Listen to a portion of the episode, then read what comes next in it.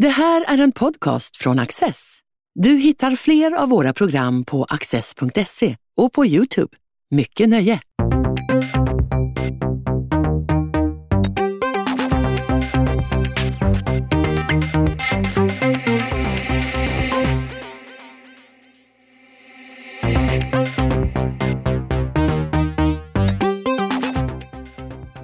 Gun Nyberg, som är läkare och författare, har skrivit boken Läkarinnor. År 1870 blev det möjligt för kvinnor att studera medicin. Då valde 24 pionjärer att utbilda sig till läkare. Alla blev inte färdiga, men det var målmedvetna kvinnor som stod emot sin tids diskriminering och fördomar och som fann en nisch som folkbildare i fråga om kvinnors hälsa. Ja, du skriver om pionjärerna, de kvinnliga läkarinnorna. Och det är ju en väldigt intressant bok tycker jag som du tar upp. Och du tar upp 16 stycken som du följer. Och det är både sådana som lyckades med sin utbildning men som också hoppade av. Ja, fast då blir de 24. Vet du. Då blir de 20, ja, men de blir de 24. Ja. Men du tar de 16 som lyckades. Ja, just precis. det. Och så åtta till som mm. hoppade av ja, av olika till. skäl. Ja. Vad var det som gjorde att du kände att alltså, det här är kvinnliga pionjärer? Vad, vad var det som gjorde att du ville skriva den här boken? Ja, jag, blev, jag fick ett tips kan jag säga. Alltså, det är ofta så som jag bara ramlar på saker när jag skriver. Och, och här var det sekreteraren, den ständiga sekreteraren i Göteborgs läkaresällskap som tyckte att, att han och jag skulle skriva en bok om den första kvinnliga läkaren i Göteborg. Och då tyckte jag det var kul och så satte jag igång och, och letade reda på saker om henne.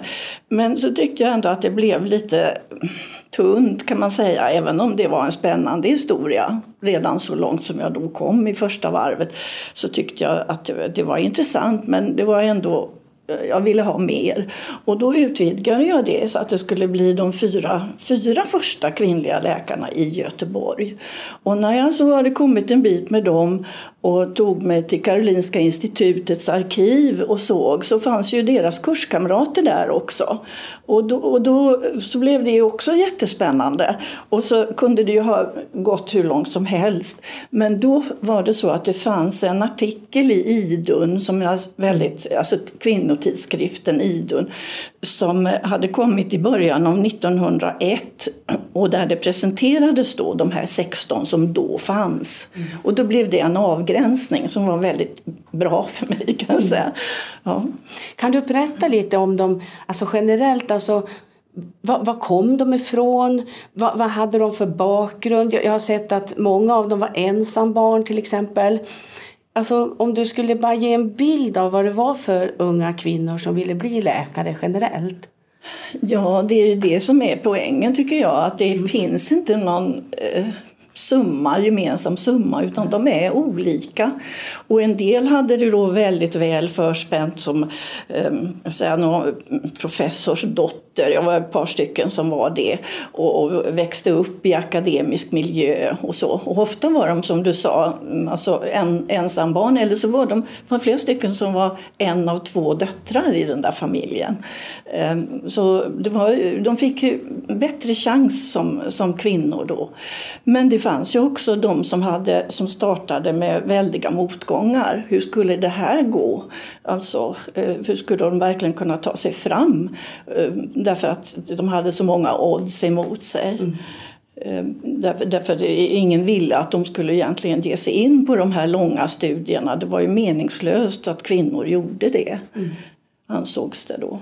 Om du skulle lyfta fram en läkarinna från varje sida, en som hade liksom den här lätta vägen och en som hade den svåra vägen. Ja, men jag, då kan jag ju nämna den lätta vägen, alltså Gerda av Geijerstam som är faktiskt den som är på omslaget som föreställer. Hon var, ju, hon var professorsdotter från Lund och, och deras hem var ett eh, kulturcentrum där. Fadern var eh, språkmänniska språk människa och även modern var mycket bildad.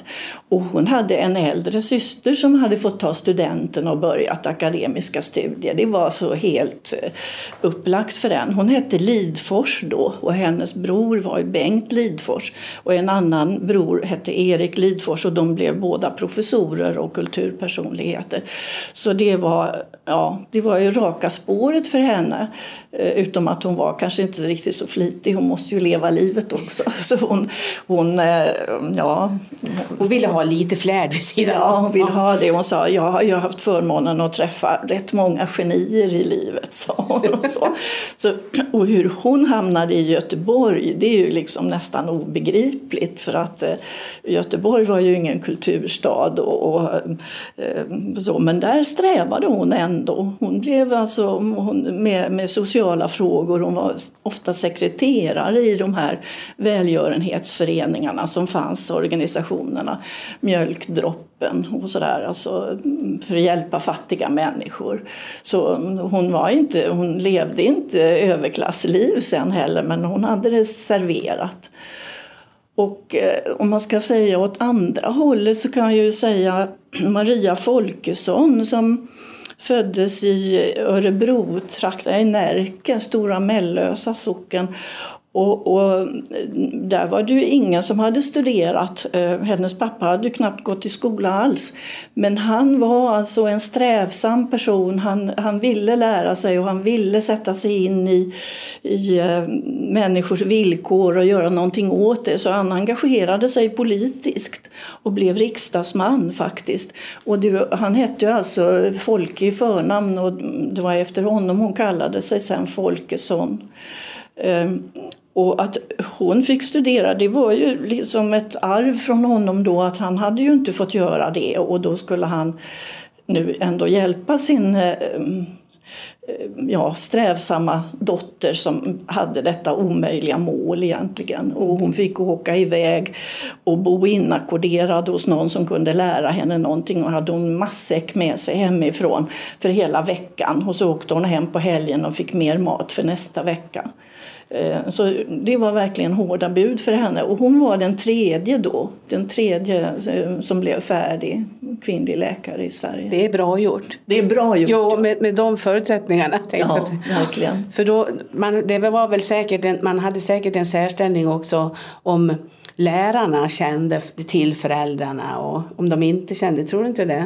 Ja, fast Eller... det, alltså, problemet var ju här nu, då hade de det var en reform 1870 mm. som gjorde att de hade rätt till akademiska studier men de gjorde ju inte det. De kunde ju inte börja med akademiska studier förrän de hade avlagt studentexamen och det fanns inget gymnasium eh, för kvinnor. Alltså det fanns inget gymnasium där kvinnor kunde gå utan det var, alltihop var ju privat eh, arrangerat. De fick skaffa sig sådana lärare som kunde ja, öka på deras kunskaper. Många hade gått i flickskola innan så de kunde de levande språken. Engelska, mm. tyska, franska hade de fått lära sig. Men de skulle ju kunna latin och de skulle ju kunna naturvetenskapliga ämnen och det fick de då komplettera och så fick de som privatister avlägga studentexamen tills det kom den här första gymnasiet och Wallinska skolan på Riddarholmen. Mm. Där de, hade, de fick examensrätt, alltså mm. att godkänna kvinnor. Mm. Ja, och då blev det ju lite lättare till nästa steg så att säga. Ja. ja. Vad ska jag säga?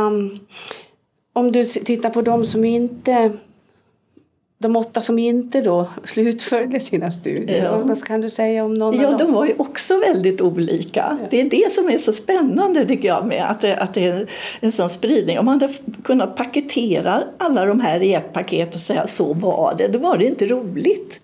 Eh, alltså, av de här åtta, ja det var två som dog mm. och en var ju en otroligt sorglig historia. Hon hade ju lungsot och hon hade ju kämpat de sista åren där. Och där har jag i boken en reportage från hennes begravning och man blir nästan gråtfärdig när man läser det tycker jag i alla fall. Alltså Berna Skog hette hon och var kyrkoherdedotter från Bohuslän. Eh, men det var en annan också som dog i Lund, i, ehm, i, eh, också i en infektion. Så då. Eh, men så var det ju då några som gifte sig och en, en blev hemkallad från Uppsala för att hon hade för roligt där. Hennes pappa som var hovrättsråd i Jönköping, han var orolig för sin 17-åriga dotter. Så hon fick åka hem. Men hon gifte sig sen och, och sen blev hon ganska snart änka. Och både hon och en annan av de där som gifte sig blev starka kvinnosakskvinnor sen. De är kända namn alltså. Emilia Bromé. Eh, att hon var, hade börjat medicinstudier det är liksom inte känt eller framhålls inte. Och, och samma med Anna Glasell Andersson som var en av dem som arbetade med de här Svenska Hem. Och det ni vet de här, eller du vet. ja. Mm. Du, jag tänkte sen då, alla på, på olika sätt. Det som liksom måste vara en gemensam nämnare det är ju målet. Ja. ja att bli läkare, målet liksom att skaffa sig en utbildning. Mm. Eh, när de kom sen då, vad hade de för studiemiljö? Hur möttes de där? Bland, liksom? Ja, det var förhållandevis positivt. Alltså, det var det. Eh, de har man läst om att det var de som läste humanistiska ämnen och så. De kunde ha problem med konkurrens där från männen. Men jag får uppfattningen att när det gällde medicin så var många överens om att det fanns ett behov av kvinnliga läkare. Alltså det var många kvinnor som inte vågade söka eh, manliga läkare om sådana här kvinnosjukdomar. Eh, och, och, och därför var de välkomna på, på de flesta håll och bland studiekamraterna och så vidare. Mm. Samhället då var ju, det var ju ganska hårt och särskilt för kvinnor, alltså liksom man tänker med barnadödlighet och med ja, sexuella, liksom, sexuella relationer och vad man fick göra och vad man inte fick göra och sådär. Och kroppen, den kvinnliga kroppen. Och det var ju ett annat. Det, var ju, liksom, det, mm. det krävdes ju på något sätt kvinnor. Mm. Ja. Så var det. Alltså kvinnors hälsa, de speciella sakerna. Bara de här snörliven. Det var bland det första de gav sig på. De här, alltså Carolina Widerström som var den första kvinnliga läkaren i Sverige. De blev färdig 1888, 18 år efter reformen. Va? Så mycket tog det henne. Eh, hon och flera andra av de tidiga de gav sig i kast med den här reformkläderna. Man skulle inte ha det här åtsnörda. Det var inte bra för inälvorna. De trycktes ju åt fel håll när de blev snörda på det här viset och, man kunde inte andas riktigt och, och så vidare. Så det var en sån där kvinnohälsosak som mm. kom tidigt. Men, men sen var det ju som sagt var framförallt det här med barnafödande, det sexuella och alla barnen och så. Men du har lite bilder också från studietiden. Jag tänker på de här som fick stå i vatten till exempel. Ja. alltså liksom, hur, berätta lite om det. Ja, eh, alltså det, det, byggde ju mycket på, undervisningen byggde väldigt mycket på anatomi. Mm. Jag är förundrad över det, men eh, för så är det ju inte nu. Det har minskat och minskat, men då var det ju alltså, det tog fyra år att bli medicinkandidat. Och, och under den tiden så upptog de här dissektionerna väldigt lång tid och de hade ju sådana där formalinindränkta lik som de satt och delade upp och hittade nerver och och blodkärl och så vidare. Och det var så otroligt viktigt eh, att, eh, att kunna alla de där grejerna. Och jag tror inte att de sen i verkliga livet hade någon större användning för det där. Men det var vad som ansågs vara den solida grunden till yrket. Alltså. Mm. Och då skulle de ju vara där. Eh, Carolina Widerström hade ju fått ett erbjudande om att hon skulle, hon skulle få dissekera ensam. Mm. Men eh, så hade hon avstått från det och då gjorde de andra det också. De var med männen i de här eh, ja, råa miljöerna. Det finns faktiskt en bild som jag inte kunde ta med i boken för den är så fruktansvärd. Alltså eh, hur man står där med de här döda kropparna och ibland i huvudet av och ibland så när det blev så där mm, grymt som verkligheten var så uppstod det ju någon sorts eh, skämtsamhet istället för, för att avdramatisera det där. Så det var ju ganska rå jargong i, i de här salarna säkert. Alltså, att de måste skoja bort det för att det var så otäckt. Och det kanske tillhör rollen om man ska klara sig som människa. Liksom, att man, man, man, man, har, man måste distansera sig från det man gör och ser. Jag, nu kommer jag inte ihåg vad hon hette men jag tänker på en du berättar om som hjälpte en kvinna som födde ett dödsfött barn med, med ja. navelsträngen lindad runt halsen och, och sa att det var ju tur att det gick bra. Alla. Ja, just det. Då var ju barnet dött. Ja. Då var barnet dött och hon hade gått med det länge också. Och det, det visar ju också hur man måste skaffa sig liksom en sköld, eller? Ja. Ja, eller alltså, de, hade, de levde ju i en verklighet där, där medicinen var väldigt otillräcklig. Mm. Det var ju så att människor dog, väldigt, väldigt många dog och även unga människor dog. Och, och, och, och det var ingenting som man kunde bli så där väldigt upprörd över egentligen. Och att ett spädbarn dog, det var väl inte heller någon riktigt Nej. farlig sak eller, eller uppseendeväckande. Men det är ju märkligt när hon skriver så. Det var Sigrid Molander ja, från Gotland. Ja. Mm, var... ja. Ja. Hon var från Visby. Mm. Eller hon bodde där sen. Så mm. var det. Hon, bodde, hon, bodde, hon var uppvuxen i Stockholm men hon mm. hamnade där som gift mm. på Gotland. Just det, det kommer jag ihåg när du säger det. Vad heter det? Jag tänker sen när de... Det tog ju lång tid för många att bli färdiga. Det, och det säger sig självt, det var hela strukturen på något sätt. Men när de väl blir färdiga så, så, så, hamnar de i ett kvinnofack. Liksom, att de, det handlar väldigt mycket om, kvinn, om det som hälsofrågor och, och om kvinnors hälsa. Ja, det var ju det att de fick ju inte ha offentlig tjänst. De kunde ju inte få anställning på sjukhus. Det tror jag nog att många skulle ha velat ha. Men de eh, måste vara praktiker eh, så, och, och låta patienter... Ja, de kom där, folk sökte för lite av varje nästan för vad som helst. Man var inte specialist på någonting utan man var läkare och så var man praktiker och så kunde folk komma och klaga över olika saker. Men det var ju väldigt mycket kvinnor då som kom och att de kom med kvinnosjukdomar och sina klagomål. Och de Ja, så därför blev de ju framförallt gynekologer. Många blev gynekologer. Men det fanns ju undantag. Alltså, vi hade ju den här, en del hade ju haft annan utbildning innan. Och en var Elin Bäckman som jag tycker är intressant. Hon, hon specialiserade sig sen på rehabilitering och eh, hon hade varit sjukgymnast, alltså utbildad sjukgymnast. Och sen, sen tog hon med sig det i eh, yrket som läkare och mm, tog hand om personer med reumatiska besvär och så vidare och blev specialist på det. Mm.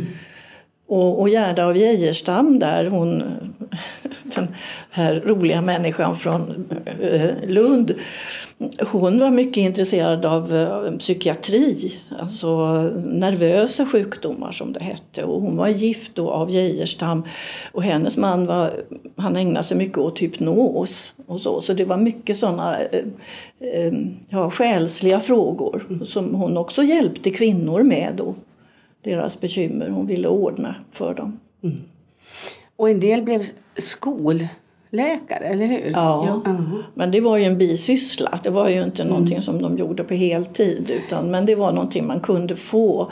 Men det var ju bara för flickor då. Alltså allting som försiggick var väldigt begränsat. Och, och, och, och just det att de skulle Alltså man kunde inte tänka sig att de skulle vara eh, skolläkare för pojkar. Det var inte tänkbart. Och inte heller var det självklart att de skulle få vara för flickor. Utan eh, det var så att de först skulle man, eh, så, så som det var i Stockholm då när det började, att man skulle kunna skicka remiss till dem och mm. tillkalla om det var någon flicka som mm. behövde en kvinnlig läkare. Men sen infördes ju regelrätta att vissa klasser, någon viss klass skulle undersökas eller få träffa en kvinnlig läkare. Kunde de försörja sig då? Ja, de, det kunde de. Klarar, det ja. måste ju ha varit ett pussel också. Ja, det tror jag inte. När de väl var färdiga så, så kom tillräckligt med patienter. Det ja, tror de jag hade de egna pra, pra, äh, praktiker, ja, egna mottagningar. Ja, sin egna praktik. Mm. Eh, men eh, under studietiden var det ju svårt. Det var ju väldigt knepigt för många. Mm. Eh, och de kunde behöva arbeta, men framförallt fanns det ju stipendier. De fick söka mm. stipendier. Mm. Ska vi ta, prata om några av dem? Om vi mm. tar hon Carolina Widerström. Mm. hon var först och det sägs att hon firade sin läkarexamen på Hamburger Börs. Gjorde hon det? Ja, ja. Det. ja, hon blev firad av kamraterna tror jag. De ja. liksom bjöd henne på det här kalaset.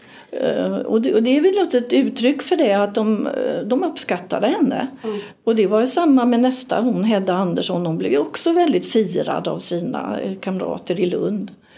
Hur, hur blev Kar Karolinas livsresa då? Hur hon blev? Hur blev hennes livsresa? Hur blev hennes...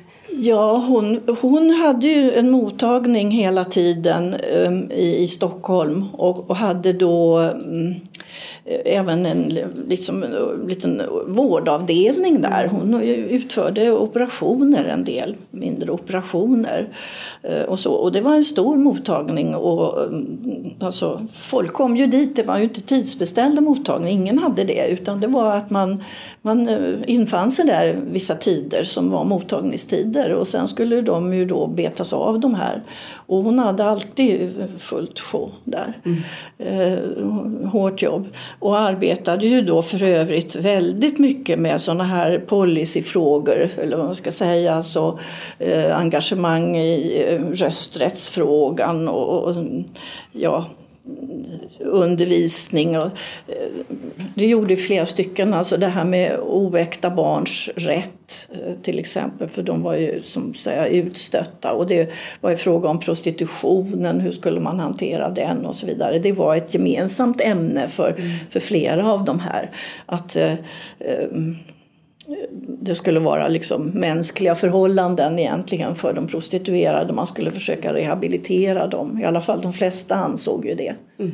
Ja. De blev upplysare helt enkelt? De... Ja, de, politiker kan man säga ja. nästan att de var fastän de inte var formellt valda. Men de blev språkrör mm. och de fick eh, yttra sig i, eh, ja, i pressen eller vid föreläsningar, sammankomster som de hade och, och även så skrev de ju petitioner till eh, konungen och bad om att det skulle rättas till det ena eller det andra mm. med många underskrifter av, av eh, kvinnliga läkare och även andra kvinnliga akademiker i, sådana där petitioner angående deras yrkesrätt, att de skulle få rätt till offentlig tjänst eller så. Mm. Uh. Har du någon riktigt, riktigt personlig favorit? Jaha, ja, det, ja, det är Alma Sundqvist. Alma Sundqvist, hon var Eh, hon var just en som arbetade på det här sättet, alltså eh, med, att, eh, med upplysning, att, att människorna skulle inte, det skulle inte vara såna här förordningar om att de prostituerade skulle gå och visa upp sig med jämna mellanrum och så som var med den där reglementeringen. Hon var väldigt emot den. Utan människor skulle undervisas och hon var med och ge, alltså hon och en kollega gav ut en bok, en lärobok. Men eh, de hade också Eh, ja, olika andra aktiviteter alltså för att stötta ehm, Eh, kvinnors eh, ja, kunskaper och, och där hon också sa, hon framhöll också att männen också måste bli, männen måste också undervisas. Eh, och hon hade ju då själv en mycket märklig bakgrund. Jag vet inte om du la märke till den men den har jag liksom luskat reda på, den har jag inte pratat om. Men, men det var ju så att hennes mormor som var prästdotter och blev föräldralös tidigt hade blivit eh, Eh, flyttad, eh, ja, hon var fosterbarn helt enkelt eh, hos släktingar i flera olika omgångar. Och hon blev gravid på lite äldre dagar som ogift. Och det var en sån skandal så hon blev utstött ur det här samhället där hon bodde. Och den flickan då som var Almas mor, hon växte upp också som fosterbarn. Och sen när hon Eh, ja, blev så vuxen så att hon skulle kunna göra någon nytta som lärarinna eller barnpassare eller så vidare så hamnade hon hos en kyrkoherde i Torpshammar utanför Sundsvall. Och hon hade kommit knappast kommit in genom dörren så blev hon gravid där.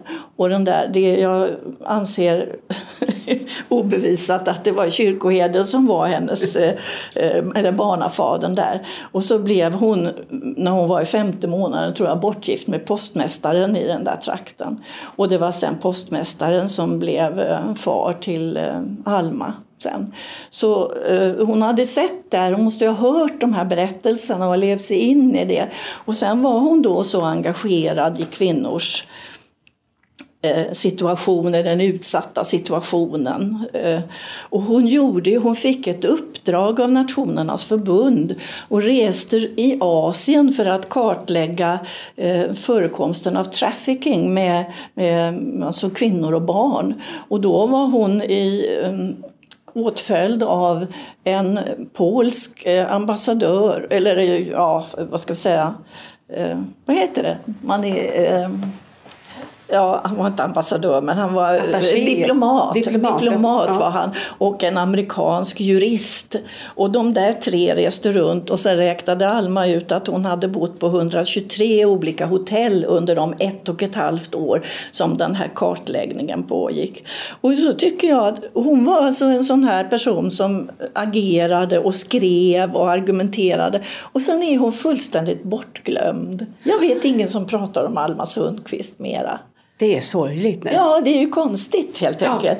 Och, och, kanske, för hon var väldigt mycket god vän med Ada Nilsson. Eh, och, och då hamnade hon kanske liksom i skuggan av Ada Nilsson för Ada Nilsson var så kraftfull och, och engagerad och skärpt och rolig och, och så här var väldigt eh, hon är också väldigt in, Du måste berätta om Ada också. Ja. Om Ada, ja. Eh, vad ska jag säga om henne? Alltså, hon, hon blev ju också föräldrar, eller faderslös ganska tidigt. Och så, men det fanns ju pengar där. Och då blev hon placerad i Stockholm och skulle gå i skola. Och då gick hon på den här, jag tror han hette Gustav Sjöbergs skola. Som, eh, där det var väldigt fritt. Det var bara lektioner på förmiddagarna. Så kunde man ju mm, förkovra sig bäst man ville. Eller ja, önskade önskade resten av dygnet. Och då gjorde hon det, Ada. Hon var 16 år eller något sådär. Så gick hon till riksdagen och satt på läktaren och lyssnade. Och hennes förmyndare var riksdagsman. Och hon hade så trevligt med hans kamrater, skrev hon sen efteråt att hon hade. Hon var så strong alltså. Och, och, och visste vad hon ville. Och, ja, och så fick hon för sig då att hon skulle bli läkare och alla frågade ju vad hon skulle göra och så. Tyckte hon var så tjatig så sa hon jag ska bli läkare. Så, så blev hon det. Ja, det är helt fantastiskt. Ja. Det var hon som gick med i Fågelstagruppen också. Ja, hon var ja. med där. Hon var en stark eh, drivkraft. hon blev över 90 år. Ja, hon var den som levde längst ja. av de här. Ja. Ja. Jag har nämligen ett citat av henne som jag tycker är så häftigt. Liksom som jag, um, då säger hon så här, som du, det, det, det, alltså, jag skulle önska att vi med tillvaratagande av specialiseringens vinster på något sätt kommer fram till en hälsovård som möjliggör för varje människa att ha en läkare som tar sig an henne och ser henne som en helhet. Ja. Vi har inte kommit dit än. Nej. Nej, det har väl nästan blivit sämre nu tycker jag, ja. utvecklingen genom all specialisering. Ja, så det här är inte mitt bord, du ska till det andra. och så får man gå till en tredje om man har en annan sjukdom eller en annan sjukdomsyttring på något sätt. Ja, ja vi har ju sjukvård inriktad efter kroppsdelar nästan. Att se människan som en helhet, det, det, det har vi ju fortfarande drömmen om. Ja. Eh, vad skulle du säga nu då? Om du, du har ju själv varit läkare mm. och nu är du författare. Mm. eh, vad, vad, vad, vad, har de gett läkarkåren? Vad, har hänt? Idag är det ju nästan fler kvinnliga läkare än manliga läkare. Ja. Och man pratar om att det är risk att lönerna går ner bara för att det är så mycket kvinnor. Och så vad, har, vad, har, vad har ni gemensamt? Vad har det bidragit till? Vad de har, ja, men de var ju, ja, de var ju verkligen pionjärer. Och jag menar ju alltså, ja, framför allt den här sexuell upplysning och, och mm, Eh, vad ska vi säga, omhändertagande, alltså hela den här sociala utvecklingen, omhändertagandet av fattiga människor och så. Alltså de, det, det, var de med och drev. Så det kan inte få vara så här att, att eh, kvinnor är, är offer och blir satta åt sidan. Eh, en sak som de var väldigt engagerade i det var ju nykterhetsrörelsen till exempel för det var ju väldigt utbrett alkoholmissbruk, särskilt bland män då och kvinnorna led där. och, och ja, de vände på problemen, eller lyfte fram kan man säga. De lyfte fram en väldig massa problem som blev åtgärdade. Verkligen alltså. Eh, så, eh, och, och, eh, när det gäller Fågelstadgruppen där och där Ada Nilsson, det var ju frågan om att utbilda kvinnor till att skaffa sig en röst. Att, att kunna uttrycka sig i, i offentliga sammanhang. Det var ju, så att de gick in i hela tillvaron kan man säga, kvinnors tillvaro. Ja. Fantastiskt. Tack.